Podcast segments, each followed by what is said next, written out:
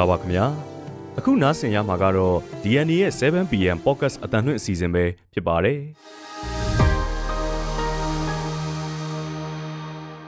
ဒီကနေ့ဩဂတ်လ9ရက်နေ့ရဲ့ podcast အတန်လွင့်အစီအစဉ်မှာတော့လဲချတိုက်ပွဲမှာစစ်သား2ဦးအရှင်ဖမ်းမိပြီးစစ်သုံးရင်တစည်းသိမ်းခဲ့တယ်လို့ SSPP ပြောတဲ့တဲ့လောင်းလုံးမှာစစ်တပ်ရိတ်ခါတဲ့ကားကိုပြစ်ခတ်ရာကအရက်သားတဦးသေဆုံးတဲ့တဲ့မြဝတီကော့ဂရိတ်အာရှလန်မြေပြိုလို့လမ်းပိုင်းပြတ်တောက်နေတဲ့တဲ့ စနစ်ပြောင်းလဲရေးလမ်းလွဲစေတဲ့နိုင်ငံရေးအခင်းကျင်းကိုညှင်းပယ်မယ်လို့ NUCC ပြောတဲ့တဲ့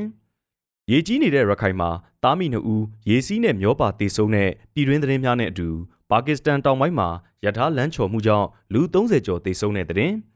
အီဂျစ်ကအစိုးရဌာနတမိုင်းဝင်အဆောက်အုံကြီးတစ်ခုမီးလောင်တဲ့အကြောင်းစတဲ့နိုင်ငံတကာသတင်းများနဲ့အတူຫນွေဦးတွေကကြပြကြပြတွေကຫນွေဦးကိုနားဆင်ရမှာပါဒီအစီအစဉ်ကိုတော့ ကျွန်တော်မောင်သိန်းနဲ့အတူနန်းခမ်းတို့ကတင်ဆက်ပေးသွားမှာပါအခုပြည်တွင်းသတင်းတွေကိုတင်ဆက်ပေးပါမယ်ပထမအဆုံးပြောပြချက်နဲ့အကြောင်းကတော့လဲချတိုက်ပွဲမှာစစ်သား2ဦးအရှင်ဖမ်းမိပြီးစစ်သုံးရင်တစီသိမ်းခဲ့တယ်လို့ SSPP ပြောတယ်ဆိုတဲ့အကြောင်းပါရှမ်းပြည်နယ်တောင်ပိုင်းလဲချမြို့နယ်မှာရှမ်းပြည်တိုးတက်ရေးပါတီရှမ်းပြည်တပ်မတော် SSPP SSA နဲ့ စစ်ကောင်စီတို့ဟာမနေ့ကဖြစ်ခဲ့တဲ့တိုက်ပွဲအတွင်းစစ်သား2ဦးကိုအရှင်ဖမ်းမိပြီးစစ်သုံးရင်တစည်းကိုလည်းတင်စီနိုင်ခဲ့တယ်လို့ SSPP ကဒီကနေ့မှထုတ်ပြန်ပါတယ်။လဲချမြို့နယ်အတွင်းက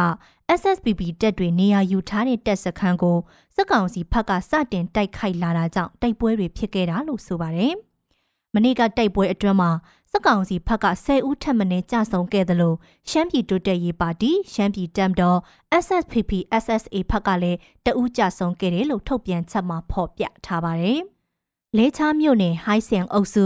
ခိုင်ဖက်နမ်နမ်ပေါက်ကျေးရွာအနီးမှာရှိတဲ့ SSPP SSA ရဲတပ်စခန်းကိုစစ်ကောင်စီတပ်ဖက်ကအင်အား80လောက်နဲ့စတင်ထိုးစစ်ဆင်တိုက်ခိုက်ခဲ့တာလို့ဆိုပါတယ်။နှစ်ဖက်တိုက်ပွဲအပြီးမှာစစ်ကောင်စီက ပင်လုံလဲချာမိုင်းနောင်နဲ့လဲချာမြို့နယ်ထဲကနမ်တိန်တရအဝင်တွေမှာသွာလာခွင့်ပိတ်ပင်တားမြစ်ထားတယ်လို့လည်း SSPP ထုတ်ပြန်ချက်မှာဖော်ပြထားပါတယ်။တိုက်ပွဲကြောင့်လဲချာမြို့နယ်အတွင်းက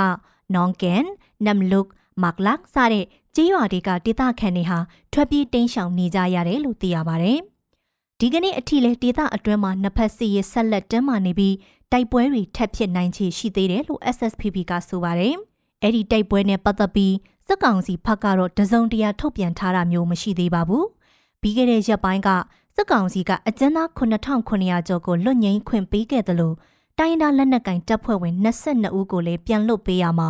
SSPP တပ်ဖွဲ့ဝင်တချို့လည်းပါဝင်ခဲ့ပါသေးတယ်။အဲ့ဒီနောက်ရက်ပိုင်းအကြာမှာနှစ်ဖက်တပ်တွေတိုက်ပွဲဖြစ်ခဲ့ကြတာပါ။ဒုတိယသတင်းတစ်ပုဒ်အနေနဲ့ လောင်းလုံးမှာစစ်တပ်ရိတ်ခါတဲ့ကားကိုပြစ်ခတ်ရာကအရက်သားတဦးသေဆုံးတဲ့အကြောင်းကိုပြောပြပေးပါမယ်။တနင်္သာရီတိုင်းလောင်းလုံးမြို့နယ်အင်းဆောက်ကြီးရွာမှာစစ်ကောင်စီတပ်တွေအတွက်ရိတ်ခါသေးယူပြီးပြန်လာတဲ့ကားတစ်စီးကိုပြစ်ခတ်တိုက်ခိုက်ရာကအရက်သားတဦးသေဆုံးသွားတဲ့အတွက်စိတ်မကောင်းဖြစ်ရတယ်လို့လောင်းလုံး PDF ကထုတ်ပြန်ဖော်ပြပါတယ်။ စစ်ကောင်စီတပ်အတွက်ရိတ်ခါတဲလာတဲ့ကားကိုမနေ့ကနေ့လယ်ပိုင်းမှာလောင်လုံး PDF တပ်ဖွဲ့ဝင်တွေကကြိုတင်ဆောင်ဆိုင်တားဆီးခဲ့ကြပြီးမောင်းပြေးတာကြောင့်လိုက်လံတိုက်ခိုက်ရာကဒေသခံအမျိုးသားတဦးတေဆုံးသွားတာလို့လောင်လုံး PDF ပြန်ကြားရေးတာဝန်ရှိသူတို့က DNA ကိုပြောပါတယ်။တေဆုံးသွားသူဟာလောင်လုံးမြို့နယ်မြကပတ်ကြီးရွာဇာတိဖြစ်တဲ့အသက်38နှစ်ဝန်းကျင်အရွယ်ကိုမျိုးစော်လက်ဆိုသူဖြစ်ပြီးဇနီးနဲ့အသက်2နှစ်ကျော်အရွယ်သားဖြစ်သူတို့နဲ့အတူတဝဲမြို့ပေါ်မှာနေထိုင်သူတူဖြစ်တယ်လို့ဒေသခံတွေထံကသိရပါတယ်။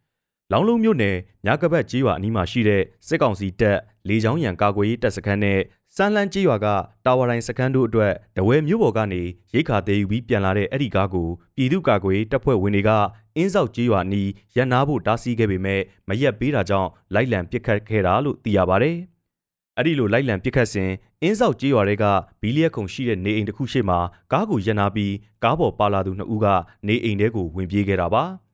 အဲ့ဒီနောက်မှာတော့အဲ့ဒီလူနှစ်ဦးကဘီလီယက်ကစားနေသူတွေကိုပြေးကြဖို့အော်ပြောတာကြောင့်ဘီလီယက်ကစားနေတဲ့ကိုမျိုးစော်လက်ကသူတို့နှစ်ဦးနဲ့အတူလိုက်လံထွက်ပြေးစဉ်ပြည်သူ့ကာကွယ်တပ်ဖွဲ့ဝင်တွေရဲ့မှားယွင်းပစ်ခတ်မှုကိုခံခဲ့ရတာလို့သိရပါဗျ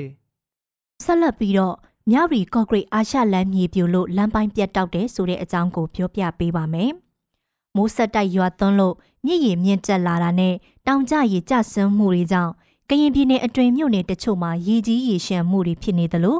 မြရီကော့ဂရိတ်အာရှလမ်းပိုင်းတနေရာမှာလည်းမြေပြိုမှုဖြစ်ပြီးလမ်းပိုင်းဆူဆူရွရွပြတ်တောက်သွားခဲ့ပါတယ်။မြရီနဲ့ကော့ဂရိတ်မြို့ကြားတောနော်ရီတခွန်အနီးကအာရှလမ်းပိုင်းမှာဒီကနေ့မနက်7:00နာရီဝန်းကျင်ကအဲ့ဒီလိုလမ်းပြတ်တောက်မှုဖြစ်ခဲ့တာပါ။လူမှုကွန်ရက်ပေါ်မှာပြန့်နှံ့လာတဲ့လမ်းပျက်စီးမှုမှတ်တမ်းတပ်ပုံတွေအရပျက်စီးမှုအခြေအနေဆူရွားတာကြောင့်ရက်နဲ့ချီပြန်လည်ပြင်ဆင်ရဖွယ်ရှိပါတယ်။ကရင်ပြည်နယ်အခြေစိုက်မီဒီယာတစ်ခုဖြစ်တဲ့ KIC သတင်းဌာနကတော့ မြေပြိုမှုကြောင့်အာရှကုံသွယ်ရေးလမ်းမကြီးဟာဘေးတရာလောက်အထိပြိုကျပြတ်တောက်သွားတယ်လို့ဖော်ပြထားပါတယ်။ဒီလမ်းပိုင်းပြိုကျမှုတွေကြောင့်မြရီကော့ဂရိတ်ကတဆင်ဖြတ်တန်းနေရတဲ့ထိုင်းမြန်မာကုန်စည်စည်းစိမ်မှုလမ်းကြောင်းကိုထိခိုက်နိုင်ဖွယ်ရှိပြီးတော့နှစ်ဖက်လမ်းကြောင်းပေါ်မှာရှိနေတဲ့ကုန်တင်ကားတွေနဲ့ခရီးသွားကားတွေကတော့လမ်းခုလက်ကနေပြန်လှည့်ခဲ့ကြရတယ်လို့သိရပါဗျ။တောင်ရင်မြစ်နဲ့တန်ရွေမြစ်ရေမြင့်တက်မှုတွေကြောင့် လက်ရှိကရင်ပြည်နယ်အတွင်းကဖအံမြရီကော့ဂရိတ်တို့အပါအဝင်မြို့နယ်တချို့မှာရည်ကြီးရေရှမ်းမှုတွေလည်းဖြစ်နေတာပါ။ဒါကြောင့်အာရှလမ်းပေါ်မှာအခုလိုပျက်စီးခဲ့မှုကိုပြန်လည်ပြင်ဆင်ရေးလုပ်ငန်းတွေနှောင့်နှေးသွားနိုင်တဲ့အခြေအနေတွေလည်းရှိနေပါတယ်။စစ်အာဏာသိမ်းမှုနောက်ပိုင်းတော်လှန်ရေးပူးပေါင်းတပ်ဖွဲ့တွေနဲ့စစ်ကောင်စီတို့အကြားမှာတိုက်ပွဲတွေကြောင့်အာရှလမ်းပိုင်းဟာမကြာခဏဆိုသလိုကားလမ်းတွေပိတ်ဆို့ရက်တန်းထားရတာလမ်းအသုံးပြုခွင့်ပိတ်ပင်တားမြစ်ခံရတာတွေရှိခဲ့ပြီး အခုတစ်ချိန်ကတော့တဘာဝပေးကြောင်ပေါ်ပေါက်လာတဲ့ပထမဆုံးအကြိမ်လမ်းပန်းဆက်သွယ်ရေးပြတ်တောက်မှုဖြစ်ပါလိမ့်မယ်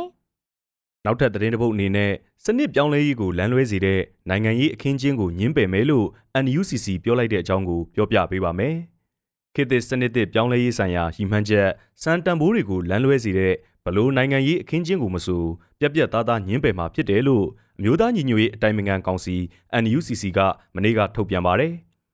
ဆီယနာတက်တန်းကိုထပ်ဆွဲဆက်တဲ့အနေနဲ့စစ်ကောင်စီကအရေးပေါ်ကာလကို6လထပ်တိုးပြီးတဲ့နောက်ပြင်ဆင်မှုတွေလုပ်နေတာနဲ့အပြိုင်လက်တလောကာလအတွင်း NUG နဲ့ NUCC တို့ကြားနီးနီးကပ်ကပ်ရှိနေကြောင်းပြသတဲ့တွဲဆုံမှုတွေကြေညာချက်တွေထွက်ပေါ်လာနေတာပါ။အထူးသဖြင့်စစ်ကောင်စီဟာဒေါအောင်ဆန်းစုကြည်ကိုအကျဉ်းထောင်ကနေပြန်လွှတ်ပေးပြီးတွစ်ဆုံညှိနှိုင်းမှုဒါမှမဟုတ်ဒေါအောင်ဆန်းစုကြည်ကိုအသုံးချပြီးတော်လန်ရေးအရှိန်လျှော့ချဖို့လှုပ်လာနိုင်ကြောင်းသုံးသပ်မှုတွေရှိနေချိန်မှာ NUCC ကအခုလိုထုတ်ပြန်လာတာပါ NUCC ရဲ့မနေ့ကထုတ်ပြန်ချက်မှာအချက်6ချက်ပါဝင်ပြီးအဲ့ဒီအချက်တွေဟာသူတို့ရဲ့နိုင်ငံရေးရည်မှန်းချက်ရည်တည်ချက်တွေဖြစ်တယ်လို့လည်းဖော်ပြထားပါတယ်။လူဦးတော်လန်ရေးရဲ့အန်ဒီမာပန်းနိုင်ဟာအသွင်သဏ္ဍာန်သာမကအနှစ်သာရပါပြည့်စုံခိုင်မာတဲ့လက်တွေ့ Federal Democracy ပြည်ထောင်စုတည်ဆောက်ရေးဖြစ်တယ်လို့ဆိုပါတယ်။အဲ့ဒီရည်မှန်းချက်အောင်မြင်မှုအတွက်လက်ရှိဆက်အာဏာသိမ်းယူမှုကိုအပြီးတိုင်ဖယ်ရှားရမှာဖြစ်တယ်လို့ နိုင်ငံရေးမှာစစ်တပ်ပောင်ဝင်နေမှုကိုထာဝရအဆုံးသက်ချုပ်ငိမ့်စေရမယ်ဆိုတာအခိုင်အမာယုံကြည်တယ်လို့လည်းဖော်ပြထားပါတယ်။ဒါအပြင်အယက်သားပြည်သူအစိုးရရဲ့စီမံခန့်ခွဲမှုကိုချွင်းချက်မရှိလိုက်နာပြီးပြည်ပရန်ကာကွယ်ရေးတာဝန်သာထမ်းရွက်တဲ့ Federal ပြည်ထောင်စုတပ်မတော်တည်ထောင်ဖို့ကိုလည်းကတိပြုတယ်လို့ဖော်ပြထားပါတယ်။ ဖက်ဒရယ်ဒီမိုကရေစီပြည်ထောင်စုတည်ဆောက်ရေးအပြည့်အဝအာမခံချက်ရှိတဲ့နိုင်ငံရေးလုပ်ငန်းစဉ်တွေကိုဗန်းတိုင်ရောက်တဲ့အထိစုပေါင်းခေါင်းဆောင်မှုစုပေါင်းတာဝန်ယူမှုနဲ့နောက်မဆုတ်တမ်းဆက်လက်ချီတက်တိုက်ပွဲဝင်သွားမယ်လို့လည်းဆိုထားပါတယ်။ဆက်လက်ပြီးပြောပြချင်တဲ့အကြောင်းကတော့ရည်ကြီးနေတဲ့ရခိုင်မှာသားအမိနှစ်ဦးရည်စည်းနဲ့မျောပါတိတ်ဆုံးတယ်ဆိုတဲ့အကြောင်းပါ။ မိုးအဆက်မပြတ်ရွာပြီးမြစ်ရည်တွေမြင့်တက်ကရည်ကြီးရေရှမ်းမှုတွေဖြစ်နေတဲ့ရခိုင်ပြည်နယ်မှာလေးတစည်းနဲ့အပြင်သွားကြတဲ့သားအမိနှစ်ဦးဟာမနေ့ကရည်စည်းနဲ့မျောပါတည်ဆုံးသွားခဲ့ကြပါတယ်။မင်းပြမြို့နယ်ပြင်ယောင်းရွာမှာနေထိုင်တဲ့သားအမိသုံးဦးဟာမနေ့ကညနေပိုင်းကသားစီရွာကိုသွားကြရာကအပြန်မှာရည်စည်းနဲ့မျောပါပြီးနှစ်ဦးတည်ဆုံးခဲ့တာလို့ဒေသခံတွေကပြောပါတယ်။ ပြင်ယောင်းရွာနဲ့တာစီရွာဟာဓမိုင်လောက်သာဝေးပြီးသူတို့ရွာကနေစတင်ထွက်ခွာသွားချိန်မှာရေမလွမ်းသေးဘူးလို့ဒေသခံတူကပြောပါတယ်။အသက်30ကျော်အရွယ်မိခင်နဲ့9နှစ်အရွယ်သားသူတိတ်ဆုံးခဲ့ပြီး9နှစ်အရွယ်သားအကြီးကတော့ကုန်းမြင့်တနေရာကအပင်ကိုဖက်တွယ်နိုင်ခဲ့တာကြောင့်အသက်ရှင်ကြံရစ်ခဲ့တယ်လို့သိရပါတယ်။တည်ဆုံးသွားတဲ့သားအမိနှစ်ဦးရဲ့ရုပ်အလောင်းကိုမနေ့ကညနေပိုင်းမှာပဲပြန်လည်ရှာတွေ့ခဲ့ပြီးဒီကနေ့မနက်ပိုင်းမှာတကြိုလိုက်တယ်လို့ဒေသခံတွေကပြောပါတယ်။ ပြင်းရောင်းရွာဟာရခိုင်ပြည်နယ်လေးမြို့မြစ်ကန်အနီးကရွာတရွာဖြစ်ပါတယ်။အဲ့ဒီမြစ်ကြောင်းတလျှောက်ကရွာတွေအားလုံးမှာဒေသခံတွေလမ်းလျှောက်သွားလာလို့မရတော့လောက်အောင်ရည်ကြီးရေရှမ်းမှုတွေဖြစ်နေပြီးတချို့ရွာတွေမှာတော့လူတရက်လောက်အထိရေလွှမ်းနေတယ်လို့ပြင်းရောင်းရွာသားတဦးကပြောပါတယ်။ဒါအပြင်မင်းပြားမြို့နယ်ဖုံသားချောင်းတလျှောက်မှာရှိတဲ့ရွာတွေမြောက်ဦးမြို့နယ်အထက်ပိုင်းမှာရှိတဲ့လေးမြို့မြစ်ကမ်းပေးတလျှောက်ကရွာတွေကြောက်တော်မြို့နယ်နဲ့ ပုံနာမြို့နယ်တို့အတွင်းကရွာတွေမှာလည်းရေလွှမ်းနေပြီလို့ဒေသခံတွေကပြောကြပါဗျ။ပြီးခဲ့တဲ့ဇူလိုင်လတတိယပတ်အတွင်းကလည်းမွန်ပြည်နယ်မော်လမြိုင်မြို့နယ်မှာရေကြီးရေရှမ်းနေခြင်းအတွင်းတရက်ထဲမှာကလေး၃ဦးအထိရေနစ်သေဆုံးခဲ့ပါသေးတယ်။တလဘီနိုင်ငံတကာသတင်းအစီအစဉ်ကိုနန်းခမ်းကတင်ဆက်ပေးပါမယ်။ ပါကစ္စတန်နိုင်ငံတောင်ပိုင်းမှာခရီးသည်တင်ယထာတစီလမ်းချော်တိမ်မောင်မှုဖြစ်ပွားရာကနေလူ30ထပ်မံတည်ဆုံးခဲ့ကြောင်းသိရပါဗျ။နိုင်ငံရဲ့အကြီးဆုံးမြို့ဖြစ်တဲ့ဂရာချီနဲ့ကီလိုမီတာ200ကျော်လောက်အကွာမှာရှိတဲ့နာဝပ်ရှာမြို့နယ်ကပူတာတစ်ခုနာမှာယထာလမ်းကျော်မှုဖြစ်ခဲ့တာပါ။မျက်မြင်တွေကလူစည်းယထာတွဲ၈ခုလောက်ဟာတန်လန်းပေါ်ကနေချော်ထွက်သွားခဲ့တာလို့ပြောပါတယ်။ဩဂတ်လ6ရက်ကဖြစ်ပွားတဲ့ ယထာမတော်တစားမှုရဲ့အတိကအကြောင်းရင်းကိုတော့မသိရသေးပါဘူး။ကနဦးရရှိထားတဲ့စုံစမ်းမှုအချက်အလက်တွေအရယထာဟာအခင်းဖြစ်ချိန်မှာတတ်မှတ်မျက်နှုံးအတိုင်းမောင်းနေနေခဲ့တယ်လို့အတည်ပြုနိုင်ကြောင်းယထာပို့ဆောင်ရေးဝန်ကြီးဌာနကကြေညာခဲ့ပါတယ်။ယထာလမ်းချော်တိမ်းမောက်မှုမှာလူ30ကျော်သေဆုံးပြီး100ကျော်ဒဏ်ရာရခဲ့တဲ့အတွက်နောက်ဝပြအပြင်အနီးမှာရှိတဲ့စင်းမြို့နယ်ထဲကဆေးရုံတွေမှာပါကျန်းမာရေးဆိုင်ရာအရေးပေါ်အခြေအနေထုတ်ပြန်ပြီး ဒဏ်ရာရထားတဲ့သူတွေကိုလက်ခံကုသပေးခဲ့ရပါတယ်။အခြေအနေမစိုးရိမ်ရတဲ့တခြားလူနာတွေကိုဆေးရုံကအမြန်ပြန်ဆင်းစေပြီးယထာမတော်တစားမှုကနေဒဏ်ရာရရှိလာတဲ့သူတွေအတွက်နေရာတွေကိုစီစဉ်ပေးခဲ့ရပါတယ်။နောက်ပြီးခွင့်ယူထားတဲ့ကျန်းမာရေးဝန်ထမ်းတွေကိုပါပြန်လည်ခေါ်ယူခဲ့ရပါတယ်။ယထာလမ်းချော်တိမ်းမောက်မှုဖြစ်ပွားတဲ့နေရာမှာကယ်ဆယ်ရေးနဲ့ရှင်းလင်းရေးလုပ်ငန်းတွေဆောင်ရွက်နေဆဲဖြစ်ပြီး အပြက်အစည်းတွေအောက်မှာနောက်ထပ်ပိတ်မိနေနိုင်သူတွေကိုလည်းအပူတပြင်းဖြန့်ကျက်ရှာဖွေနေကြပါတယ်။ကနဦးစုံစမ်းစစ်ဆေးမှုတွေလှုပ်ဆောင်နေခြင်းအတော်အတွင်းနောက်ဝက်ဖြားနဲ့စင်းမှာယထာပြေးဆွဲမှုတွေကိုယာယီဆိုင်းငံ့ထားစေခဲ့ပါတယ်။လွန်ခဲ့တဲ့နှစ်နှစ်တုန်းကလည်းစင်းမှာယထာနှစ်စီးတိုက်မိမှုကြောင့်လူ40ကျော်သေဆုံးပြီးအများအပြားထိခိုက်ဒဏ်ရာတွေရခဲ့မှုကြကြောင်းသိရပါတယ်။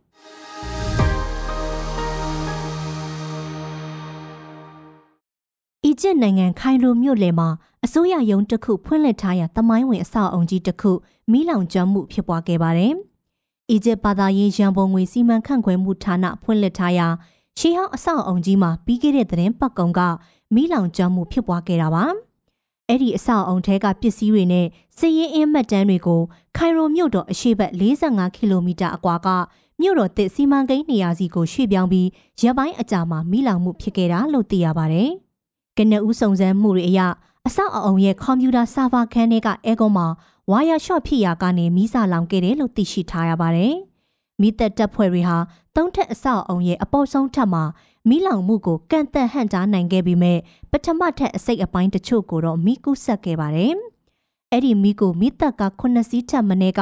နိုင်ပေါင်းအတော်ကြာအချိန်ယူငိမ့်သက်ခဲ့ရပါတယ်။ မီးလောင်မှုအကြောင်းရင်းအတိအကျကိုတော့ဆက်လက်စုံစမ်းနေဆဲဖြစ်ပြီးထိခိုက်ဒဏ်ရာရရှိတဲ့သူတွေတော့မရှိဘူးလို့ယုံကြည်ရပါတယ်။ဝန်ကြီးဌာနဖွင့်လှစ်ထားရာပင်မအဆောက်အုံကြီးကို1898ခုနှစ်မှာတိစောက်ပြီးစီးခဲ့ပြီး1912နဲ့1929ခုနှစ်တွေမှာထပ်မံချဲ့ထွင်ခဲ့တာကြောင့်တက်တန်အဖြစ်နှစ်ပေါင်း100ကျော်နေပြီဖြစ်ပါတယ်။အခုဆက်လက်ပြီး ຫນွေဦးတွေကကြပြာကြပြာတွေကຫນွေဦးကိုနားဆင်ရမှာဖြစ်ပါတယ်။ຫນွေဦးတဲ့ကကြပြာကြပြာတွေကຫນွေຫນွေဦးထဲမှာအငင်းပွားစရာတွေဟာရှိနေတာပဲဆွေးနွေးစရာတွေဟာရှိနေတာပဲဆိုပါစို့အချင်းနေတရရဲ့ခံစားချက်ခံပြင်းချက်တစုံတရာမှာကြွေးကြော်သံတရက်ကလူလူကြားတဲ့ကနေထွက်လာခဲ့တယ်။ ကြပြားတစ်ပုတ်ထဲစာသားအစိတ်အပိုင်းအဖြစ်ပါလာတယ်သူကယူသုံးတယ်ကိုကယူသုံးတယ်သွေးချွေးမှာဆွေးနွေးစရာမရှိအမ်ဒီလိုသာဖြင့်ဒါဟာဆွေးနွေးခြင်းကိုညှင်းဆိုတဲ့သဘောအယူလား dialogue ကို top ခတ်ပိတ်လိုက်တဲ့ပိုင်းဖြတ်ချက်လားရန်ကြွေးရှိသူတွေဟာဒီသွေးကြွေးတွေကြောင့်ဘယ်လောက် ဘယ်လိုပူလောင်ခြင်းတွေနာကြီးခြင်းတွေကိုပိုက်ခဲ့ရတယ်ပိုက်ခဲ့ရအောင်မလားဆိုတာနားလည်နိုင်သူတွေကဒီပြင်းထန်မှုကိုအသင့်တင်လက်ခံပြီးအ내တစ်မျိုးပြန်နိုင်စွမ်းရှိမယ်ဒီလိုပဲဖက်စစ်စစ်တပ်အမြင့်ဖြတ်ဆိုတဲ့ကြွေးကြော်သံဟာအရင်စစ်အစိုးရအဆက်ဆက်ကဆောင်ပုတ်ဥတီချက်တွေလို ခြေမှုံကြခြေမှုံကြဆိုတာမျိုးလို ဆိုနိုင်ပေမဲ့ဒီဖက်စစ်ညင်ဖက်စစ်အမှုကျင့်ရှိတဲ့စစ်တပ်မျိုးရှိတဲ့၍တိုင်းပြည်နဲ့လူမျိုးအမွှေးမပြောင်အယောင်မထွက်ဆိုတာကိုမျိုးဆက်တစ်ဆက်ပြီးတစ်ဆက်သင်ခန်းစာမဆုံးနိုင်အောင်ယူခဲ့ပြီးမှဒီစနစ်ဒီ institution ကို ပြတ်အောင်မရက်စမ်းနိုင်ရင်တော့ကျွန်တော်တို့ရဲ့လူငယ်အညွန့်အဖူးတွေရဲ့အသက်တွေဘဝတွေ ကုကေရမဲ့အရက်သားတွေရဲ့ဖြစ်စီလူရဲ့တက်ဖြတ်ခံထားရတာတွေစသဖြင့်ရင်းထားရတဲ့အရင်အနှီးတွေကိုအဟောတိကံအဖြစ်ခံရမှာမျိုး ဖြစ်နိုင်တာပဲဒါကြောင့်တချို့ကြွေးကြော်ခြင်းတွေတချို့ဆောင်ဖုတ်တွေဟာစကားအရပြင်းထန်နိုင်ပေမဲ့လည်းတရားအဖြစ်တော့တရားနဲ့အညီလို့လက်ခံနိုင်ပါတယ်။သွေးကြွေးမှဆွေးနွေးစရာမရှိဆိုတာဟာလဲ စပွဲဝိုင်းရင်ကြေးမှုကိုညင်းပယ်တာလို့မကောက်ယူနိုင်အဆုံးစွန်နစ်နာမှုဆုံးရှုံးမှုတွေအတွက်တရားမျှတခြင်းကို ပြန်လည်ရယူတဲ့အခါမှာမြည်သည့်ချွင်းချံမှုမရှိဘဲအပြေအစဉ်တောင်းဆိုခြင်းလို့ပဲကျွန်တော်ကတော့အမှတ်ယူပါတယ်။တမိုင်းအဆက်ဆက်တရခန့်အဆက်ဆက်ဟာယမမင်းထံမှာပဲမလွဲမသွေအစ်စ်ခံရမှာကတေချာပေမဲ့အာနာအသာစီးယူထားတဲ့ ခေတ်တွေအတွင်းကျွန်တော်တို့လူထုပြည်သူတွေရဲ့တရားမျှတမှုအတွက်ပလက်ခံခဲ့ရသလိုဖြစ်ခဲ့တာယနေ့ထက်တိုင်ပဲမဟုတ်ပါလားဒါကြောင့်သွေးကြွေးမှာဆွေးနွေးစရာမရှိဆိုတာစကားအရာရော စကားနောက်ကတရားအရာပါပြင်းထန်ပေမဲ့လက်မခံနိုင်တဲ့မတရားအစွန်းရောက်တာမျိုးမဟုတ်လို့ကျွန်တော်ယူဆမိပါတယ် တကယ်တမ်းကိုစနစ်အပြောင်းလဲဖြစ်စဉ်မှာအာဏာနဲ့ဖိနှိပ်ရက်စက်မှုကို အလူအလဲခုခံကာကွယ်နေရသူတွေအတွက်ရောတောင်လဲရမြက်ပြက်ခံစားရတဲ့အပြစ်မဲ့ရက်သားပြည်သူတွေအတွက်ပါသွေးကြွေးတွေကိုငွေဥအလွန်မှာအပြည့်အစင်တောင်းယူနိုင်ကြပါလိမ့်မယ်စေကိုင်းအုပ်စုရဲ့သွေးယူသွေးတန်းအကြံအစီတွေနဲ့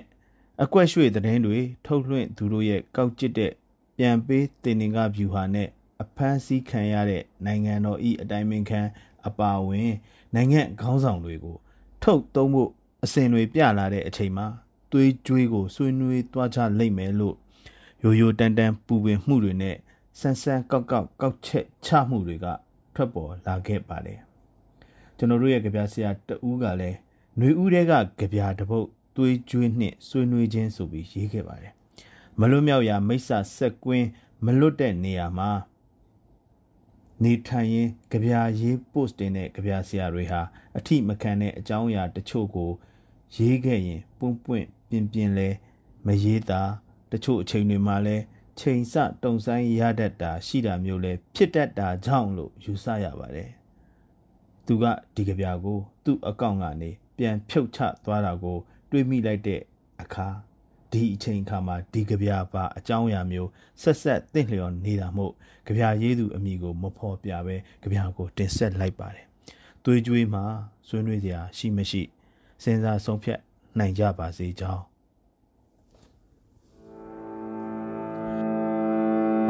သွေးကြွေးနဲ့ဆွေးနွေးခြင်းလောင်ကြိုင်တဲကငှက်တွေကအော်ပြောလိုက်တယ်အဲ့ဒီတော့ငါတို့ကလွတ်မြောက်သွားမှာလား စစ်ကြောရေးအတွင်စုပ်ပြတ်သွားတဲ့မျက်နာကပြောတယ်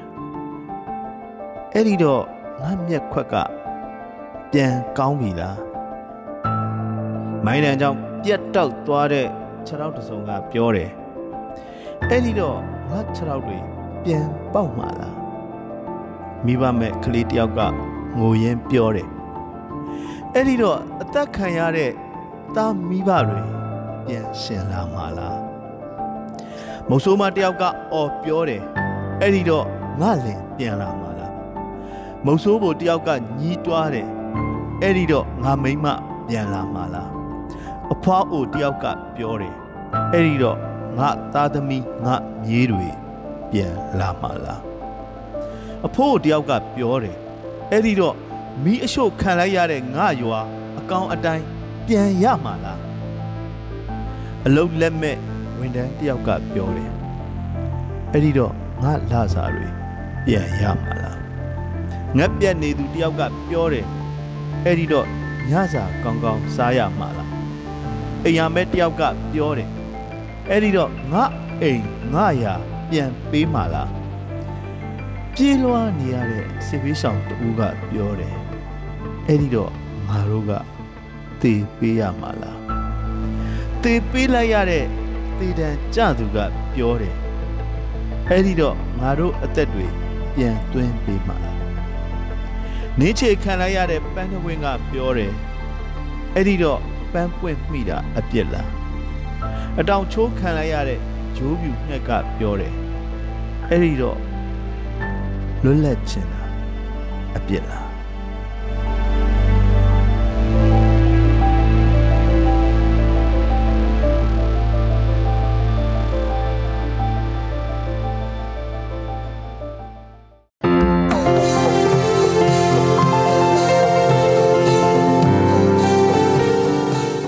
DNA ရဲ့ podcast အတန်လွင့်အစီအစဉ်ကိုအပတ်စဉ်တင်းလာနေကနေတောက်ကြနေည9:00နာရီတိုင်းမှာတင်ဆက်ပေးသွားမှာပဲဖြစ်ပါတယ်